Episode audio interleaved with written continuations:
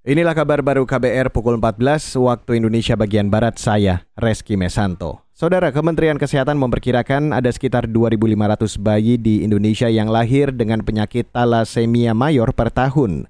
Penyakit ini diturunkan dari orang tua maupun keluarga terdekat. PLT Direktur Pencegahan dan Pengendalian Penyakit Tidak Menular Kemenkes Elvida Saraswati mengatakan, pihaknya akan meningkatkan upaya deteksi dini terhadap penyakit tersebut. PLT Direktur Pencegahan dan Pengendalian Penyakit Tidak Menular Kemenkes Elvida Saraswati menjelaskan program deteksi dini bertujuan untuk mencegah perkawinan antara pembawa sifat yang dapat mengakibatkan lahirnya bayi penyandang talasemia mayor. Talasemia merupakan sebuah kelainan darah genetik yang menyebabkan umur sel darah merah menjadi sangat pendek. Penyandang talasemia mayor membutuhkan transfusi darah dan konsumsi obat secara kontinu seumur hidup.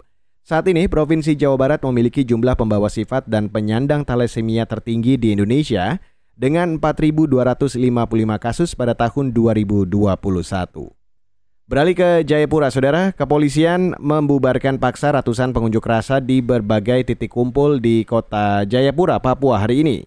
Kapolres Kota Jayapura, Gustav Urbinas menyebut, unjuk rasa menolak pemekaran Provinsi Papua yang dikoordinir petisi rakyat Papua itu tidak sesuai prosedur surat pemberitahuan disampaikan, tidak ada koordinasi teknis, bahkan hanya menitip surat kepada orang yang tidak dikenali.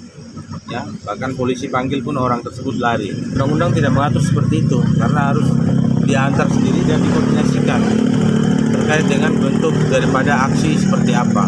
Itu saya memutuskan bahwa harus dibubarkan paksa, ya, karena tidak ada pertanggungjawaban. Saudara itu tadi Kapolres Kota Jayapura, Gustaf Urbinas. Sedianya masa aksi akan menyampaikan aspirasi mereka ke kantor DPR Papua. Namun polisi membubarkan masa menggunakan tembakan gas air mata dan semprotan air dari kendaraan water cannon. Aksi penolakan rencana pemekaran Papua ini digelar serentak di berbagai daerah di Papua dan Papua Barat, bahkan beberapa kota lain di Indonesia. Di Jayapura, kepolisian menerjunkan lebih dari seribu personel gabungan polisi dan TNI untuk membubarkan aksi massa. Saudara Dewan Keamanan PBB dijadwalkan akan bertemu pada Rabu besok untuk membahas peluncuran rudal Korea Utara. Melansir Antara, sejumlah diplomat menyebut pertemuan itu atas permintaan Amerika Serikat. Pemerintah Amerika Serikat berupaya mendorong dewan beranggotakan 15 negara itu untuk memperkuat sanksi terhadap Korea Utara. Washington menilai Korea Utara bisa jadi tengah bersiap untuk melakukan pengujian nuklir paling cepat bulan ini. Sebelumnya, Korea Selatan melaporkan Korut telah menembakkan sebuah rudal balistik dari kapal selam Sabtu pekan lalu. Duta Besar Amerika Serikat untuk PBB, Linda Thomas Greenfield, mengatakan pemerintahnya menginginkan Dewan Keamanan PBB menggelar pemungutan suara untuk menjatuhkan sanksi baru terhadap Korea Utara. Namun dua negara pemegang hak veto, China dan Rusia telah memberi sinyal bakal menentang itu.